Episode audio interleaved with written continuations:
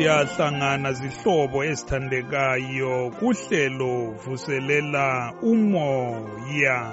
Igama nguntungamili nkumo namhlanje silomfundisi Thandeko Zintimkandla.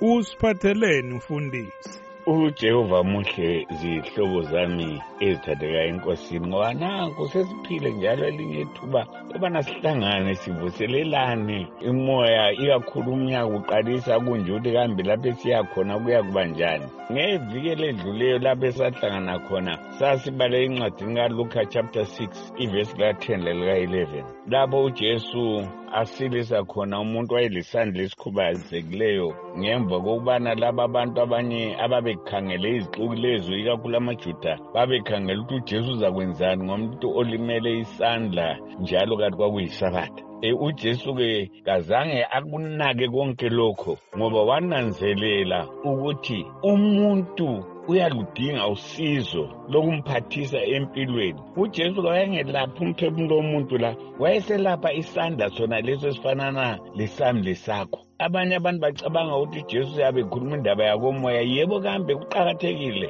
Yiyinsika yokukholwa phela indaba yakomoya. Kodwa-ke singazake sikhangele siyeqise amehlo ethu entweni ezisiphilisayo sengitsho lemzimba yethu ekhubazekileyo. Um ukuthi nxa singelalutho oluthize impilo ngombono kajesu kayiphelelanga alubala umuntu wayelungile enjalo ujesu wayengasoze amsilise. Wamsilisa ngobana wabona ukuthi impilo yalo umuntu iyasilela. Lathi kumele sikhangeleke labo abaswelayo phakathi kwethu sibenzele kahle. Kodwa-ke into engifuna siyikhangele amafitshane namhlanje nguvesi 11 kaluke chapter 6 kuthiwa-ke uvesi 11 base begcwala ukuhlanya bakhuluma bodwa ngokuthi bangamenze njani ujesu. Nansi imhlolo nansi imhlolo bakithi abantu umuntu sosilisiwe izandla zakhe zombili sezilungile useyingxenye yabo la usengazilimela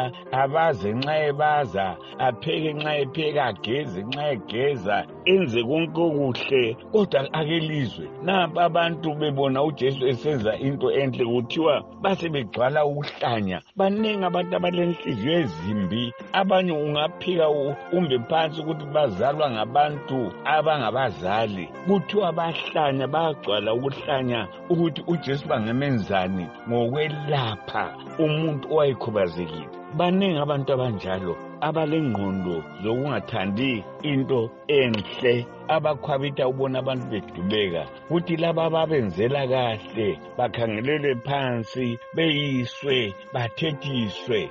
Lezi yizo ingilosi zikasathane uqobo. Nanzelela mhlobo wami ungaze wagcwala ubuhlanya nxa abantu sebenzelwe into enhle. Okumele kwenzakala umuntu angenzelwa into enhle.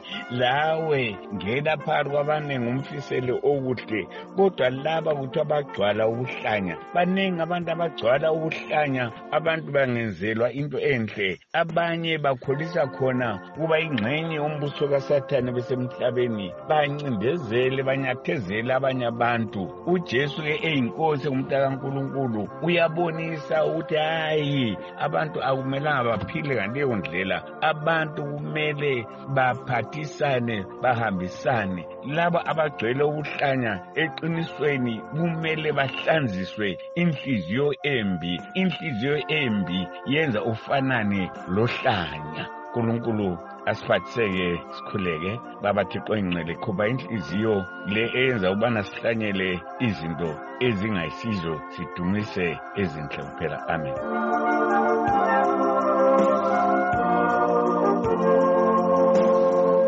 Lolo bekulohlelo vuselela umoya. Silomfundisi Thandeko Zintimkandla thiyani indlebe kuhlelo lunye ngeviki ezayo. Lilami untungamili nkumo